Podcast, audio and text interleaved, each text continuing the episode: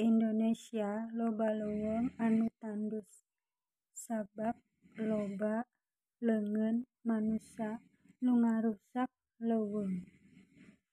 Naon wae akibatna lamun urang ngarusak leuweung? Bisa ngabalukurkarkeun musibah nyaeta caah, uruk, pencemaran cai, taneuh, hawa, populasi teu dimekarkeun.